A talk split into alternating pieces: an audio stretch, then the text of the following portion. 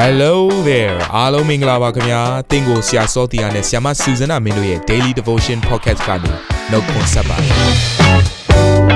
ဆရာနဲ့ဆ iam တို့ရဲ့အသက်တာမှာဘုရားရှင်ပြုတဲ့ကောင်းကြီးမင်္ဂလာများစွာရှိပါတယ်အဲ့ဒီအထက်ကပြန်လဲစီးဆင်းတဲ့နှုတ်ကပတ်တော်ကိုဒီနေ့မှနားထောင်ပြီးခွန်အားယူကြမှာဖြစ်ပါတယ်နေ့စဉ်10မိနစ်လောက်အချိန်ပေးပြီးမိမိရဲ့အသက်တာကိုကောင်းကြီးဖြစ်စေမယ်ဘုရားသခင်ရဲ့နှုတ်ကပတ်တော်နဲ့နီးလန်းတွေကိုအတူတကွခံယူကြရအောင်ခင်ဗျာ ချစ်ရတဲ့မိသားစုဝင်များအရောက်ချင်းစတန်ကိုယေရှုနာမ၌နှုတ်ဆက်ပါတယ်။တပတ်တာလုံးမှာကျမတို့ဘုရားသခင်ရဲ့ကြွယ်ဝပြည့်စုံခြင်းနဲ့ဆိုင်တဲ့နှုတ်ကပတ်တော်ကိုကျမတို့ခံယူတဲ့အခါမှာအသက်တာထဲမှာထူးခြားတဲ့ဘုရားသခင်ဖွင့်ပြခြင်းနဲ့အလင်းကိုမြင်တွေ့ရမယ်လို့ကျမယုံကြည်ပါတယ်။ဒီနေ့မှာတော့ကြွယ်ဝပြည့်စုံခြင်းနဲ့ဆိုင်တဲ့နောက်ဆုံး เนาะတင် जा ခြင်းဖြစ်တဲ့နိယာမ9ကိုကျွန်မအရောက်ချင်းစံကိုဖော်ပြလိုပါတယ်ထိုရာကတော့မပြောင်းလဲသောဂတိတော်ဖြစ်ပါတယ်ဟာလေလုယကျွန်တော်တို့ရဲ့အသက်တာထဲမှာဘုရားသခင်ပေးတဲ့ဂတိတော်တွေဟာဘယ်တော့မှမပြောင်းလဲပါဘူး ဒါကြောင့်မလို့ဒီနေ့ဘုရားကအကြိမ်ကြိမ်ပြောခဲ့တယ်။ကောင်းကင်နဲ့မြေကြီးမတည်တော့လဲငါရဲ့စကားတွေတည်လိမ့်မယ်။ငါရဲ့ဂတိတော်တွေတည်လိမ့်မယ်လို့ဒီနေ့ဘုရားက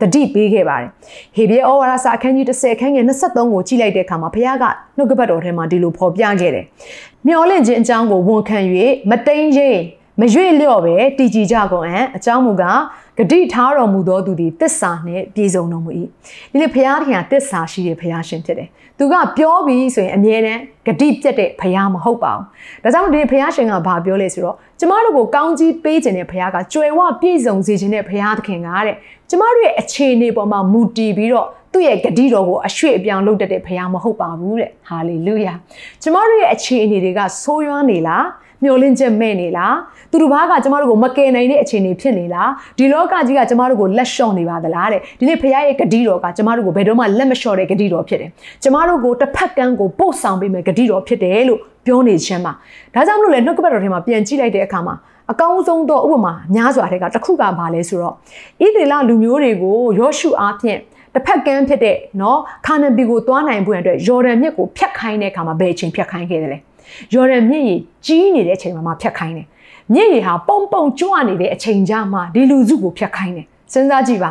အကယ်၍များသာယော်ဒန်မြစ်ရေမတက်တဲ့အချိန်မှာသူတို့ကိုဖျက်ခိုင်းတယ်ဆိုသူတို့စဉ်းစားနေမိမယ့်အရာတစ်ခုကဘာလဲဆိုတော့ငါတို့တက်နိုင်တယ်ငါတို့ရဲ့အစွမ်းဆဆိုတဲ့အတွေးခေါ်ကဝင်လာနိုင်စရာအကြောင်းရှိတယ်အဲ့တော့အဲ့အချိန်မှာဘာဖြစ်လာလဲ ကိုဘုံဆိုပြီးတော့တခါတည်းကိုကပြောစမပြုလာစရာအကြောင်းရှိတယ်။သို့တော့အဲ့ဒီအားနေခြင်းရှိနေတဲ့အချိန်မှာဖရာသခင်ရဲ့တကိုးကြီးခြင်းလက်တော်အားဖြင့်ဖရာရဲ့ဂတိတော်အားဖြင့်အိုးဖရာသခင်ရဲ့တစ္ဆာစကားအားဖြင့်အသက်တာကိုတခါတည်းဣတိလလူမျိုးတွေအားလုံးကိုထုတ်ဆောင်လိုက်တဲ့အခါမှာတော့ဖရာရဲ့ဘုံဟာမမေ့နိုင်စရာကောင်းတဲ့နော်တက်သေးခံချက်ကြီးဖြစ်လာတယ်မဟုတ်ဘူးလား။ကဲနောက်တစ်ခုကတော့ကျွန်တော်တို့ဂီတောင်အကြောင်းပဲဖြစ်ပါတယ်။ပြန်ပြီးတော့နှုတ်ကပတ်တော်ထဲမှာဆင်ခြင်လိုက်မယ်ဆိုရင် ဣဒလလူမျိုးတွေဟာတဲ့မိဒရန်လူမျိုးတွေရဲ့နှောက်ယှက်ချင်းကြောင့်မလို့ဂူထဲမှာပုံအောင်နေရတယ်တဲ့မိဒရန်လူမျိုးရဲ့အရေးအတွက်ဟာတကယ်ကိုသမုတ်တရားသဲလုံးနှင့်အမျှများပြားတယ်ဆိုပြီးတော့နှုတ်ကပတ်တော်ထဲမှာဒီနေ့မှတ်တမ်းတင်ထားပါတယ်ထိုကဲ့သို့သောသမုတ်တရားသဲလုံးနှင့်အမျှများပြားတဲ့မိဒရန်လူမျိုးတွေကိုတိုက်ဖို့ရန်အတွက်ဒီနေ့ဘုရားကဂီတောင်ကိုဂတိပေးခဲ့တယ်အဲ့ဒါကဘာလဲဆိုတော့သင်ဟာအင်အားကြီးတဲ့ သူရဲကောင်းဖြစ်တယ်။သင်အားဖြင့်မိဒရန်လူမျိုးတွေကိုငါကြရှုံးစေမယ်။သင်ဟာဥဆောင်မယ်စစ်တရေဖြစ်တယ်ဆိုတဲ့အရာကိုပြောတဲ့အခါမှာ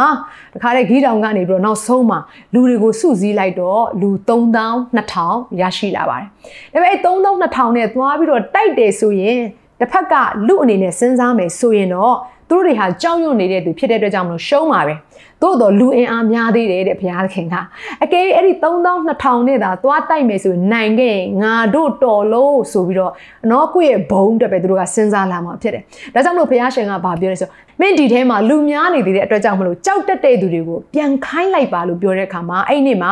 လူ1000ပြန်သွားတော့2000နဲ့2000ပဲကျန်ခဲ့ပါတယ်ဒါနဲ့ဘုရားခင်ကဗာပြောလဲဆိုဒီလူအရေအတွက်ကလည်းများနေသေးတယ်ဟာလေလုယာဒီကျွန်မနားလေစေခြင်းနဲ့ဘုရားရဲ့ဂတိတော်ကကျွန်တော်တို့အားနေခြင်းအရှိဆုံးအချိန်မှာတာပြီးထင်ရှားတယ်။ဖခင်ကကျမတို့အလိုအပ်ဆုံးအချိန်မှာမှသူ့ရဲ့ကြွယ်ဝပြည့်စုံခြင်းကိုပို့ပြီးတော့ပုံအောပေးပြီးတော့ထင်ရှားစေတယ်ဖခင်ရှင်ချက်တယ်ဟာလေလုယာ။ဒါနဲ့နောက်ဆုံးမှာဖခင်က မြေကန်းစိတ်ကိုဒီလူတွေကိုခေါ်သွားပါခွေးကဲ့သို့ရေတောက်နေတဲ့သူကိုပဲမင်းရွေးချယ်ရမှာဖြစ်တယ်လို့ပြောတဲ့အခါမှာလူအယောက်300ပဲကြံခဲ့ပါတယ်။ကဲစဉ်းစားကြည့်ပါ။သမုတ်တရားသဲလုံးနဲ့အမျှများပြားတဲ့ရန်သူကိုတိုက်ဖို့လူ300နဲ့ဖခင်ကစစ်ချီခိုင်းတယ်။အဲ့တော့အဆုံးသက်ကိုကြည့်လိုက်မယ်။သူတို့နိုင်ခဲ့လား။နိုင်ခဲ့တယ်။ဘသူကလှုပ်ဆောင်သွားပေးတာလေဖခင်ရဲ့ဂတိတော်ကလှုပ်ဆောင်သွားပေးတာဖြစ်တယ်ဟာလေလုယာဒါကြောင့်မို့သင်ကိုကျွန်မနားလေစေခြင်းနဲ့ တင့်ရဲ့အားနည်းဆုံးအချိန်မှာဘုရားရဲ့ဂတိတော်ကအထင်ရှားဆုံးဖြစ်ပါတယ်။တင့်ရဲ့အလိုအပ်ဆုံးအချိန်မှာဘုရားရဲ့ကြွယ်ဝပြည့်စုံခြင်းကအထင်ရှားဆုံးဖြစ်ပါတယ်။တင့်အနေနဲ့အရာခတ်သိမ်းတော့ဘာမှမရှိတော့ဘူးလို့ထင်တဲ့အချိန်မှာမှဘုရားသခင်ထောက်ပံ့ခြင်းဟာ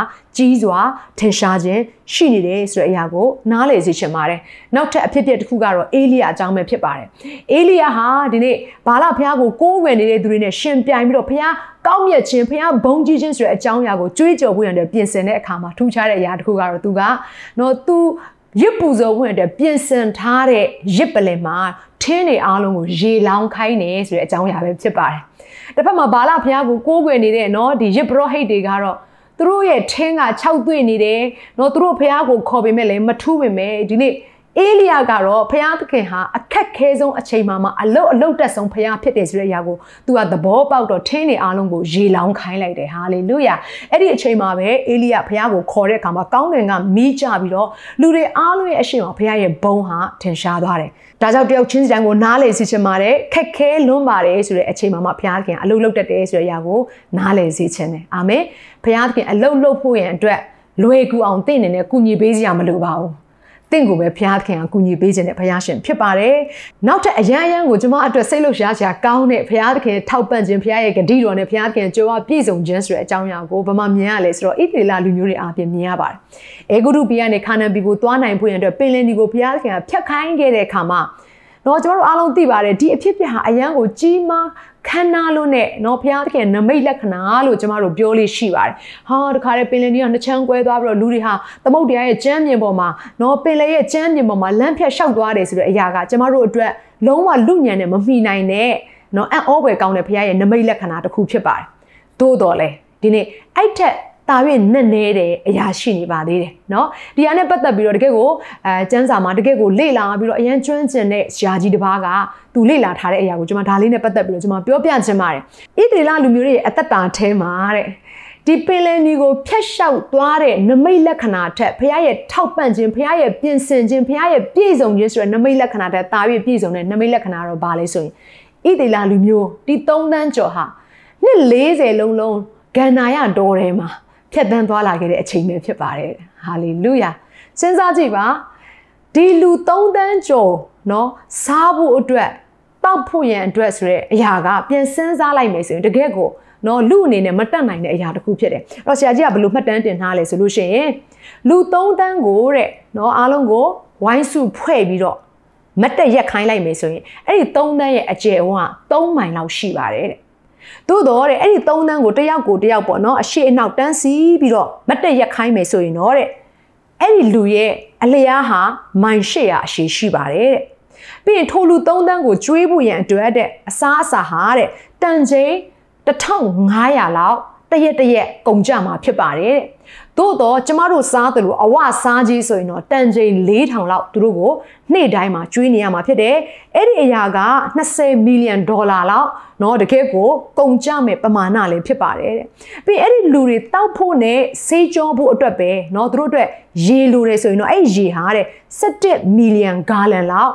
လိုအပ်ပါတယ်တဲ့စဉ်းစားကြည့်ပါဒီလောက်အထိเนาะလိုအပ်တဲ့ပမာဏကိုဘုရားသခင်က သဲကန္နာရထဲမှာဘုရားသခင်ကပေးခဲ့တယ်ဆိုမှတော့ဒီလောက်အထိကြီးမြတ်တဲ့ဘုရားသခင်ထောက်ပံ့ခြင်းဘယ်နေရာမှမရှာလို့ရမှာမဟုတ်ဘူးဒီကျွန်မသင်ကိုနားလေစေချင်တယ်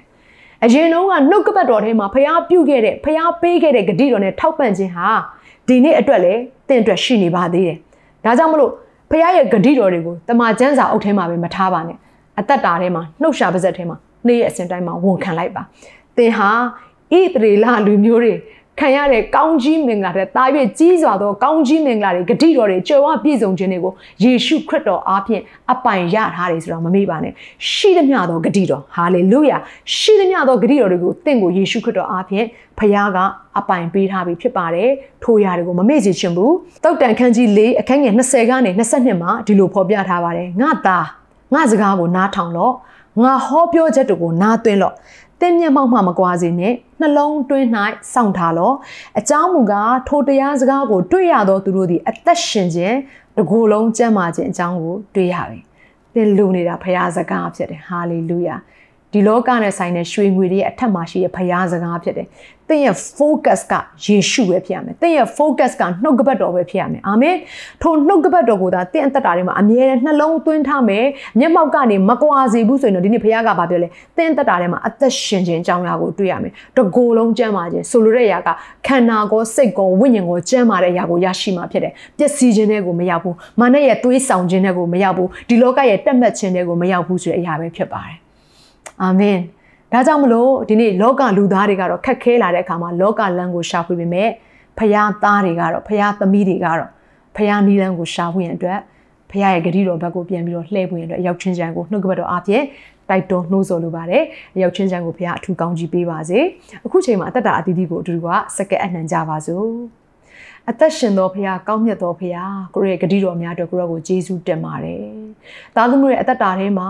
အခြေအနေတွေမလှတဲ့အခြေအနေဘလောက်ပဲရှိခဲ့ပါစေကိုရောဘုရားကသားသမီးရဲ့အခြေအနေပေါ်မှာကြည့်ပြီးတော့ကောင်းကြီးပေးတဲ့ဘုရားမဟုတ်ပါဘူး။အိုးကိုရောဘက်ကပြည့်စုံခြင်းအတိုင်းပဲသားသမီးတို့ကိုအိုးကောင်းကြီးပေးတတ်တဲ့ဘုရားဖြစ်လို့ကိုရောကိုဂျေဇူးတင်ပါတယ်။ဒီနေ့ကြားတဲ့နှုတ်ကပတ်တော်တွေများစွာသားမှုအသက်တာထဲမှာမမေ့လျော့စေဖွယ်အတွက်အိုးဝိညာဉ်တော်ဘုရားသားသမီးတို့ကိုနေ့ရက်အစဉ်တိုင်းမှာတတိပေးပါနှိုးဆော်ပါစကားပြောပါ။အိုးကိုရောဖွင့်ပြချက်များအားဖြင့်သားမှုအသက်တာကိုပြန်လည်ပြီးတော့ဆွဲခေါ်ပေးတော်မူပါဘုရားသခင်။ဂျေဇုတင်တဲ့နှုတ်ကပတ်တော်အားဖြင့်အရောက်ချင်းဆိုင်ရဲ့အသက်တာထဲမှာလူတို့ကျင်ဆွေးမမိနိုင်သောကောင်းကြီးမင်္ဂလာငြိမ်သက်ခြင်းအိုးကျမ်းမာခြင်းများစွာသောကြွယ်ဝပြည့်စုံခြင်းတို့အပေါ်မှာတက်ရောက်ပါမိအကြောင်းအသက်ရှင်မနေ့နေ့နောင်ကာလမပြောင်းလဲပဲနဲ့သားသမီးတို့ကိုချစ်လျက်နေ့ရက်အစဉ်တိုင်းကောင်းသောအရာများကိုပြင်ဆင်တော်မူသောယေရှုခရစ်တော်ဘုရားသခင်မြတ်သောနာမတော်ကိုအမိပြုအသက်တာအသီးသီးကိုစက္ကဲအနှံကြပါတဲ့အဖမြတ်စွာဘုရားသခင်အာမင်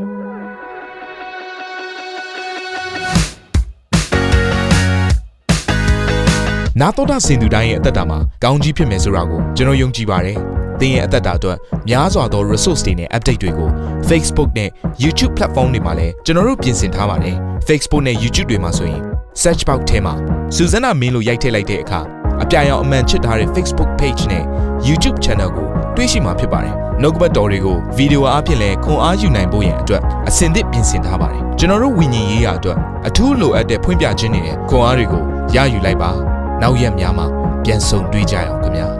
အားလုံးကိုနှုတ်ဆက်ပါတယ်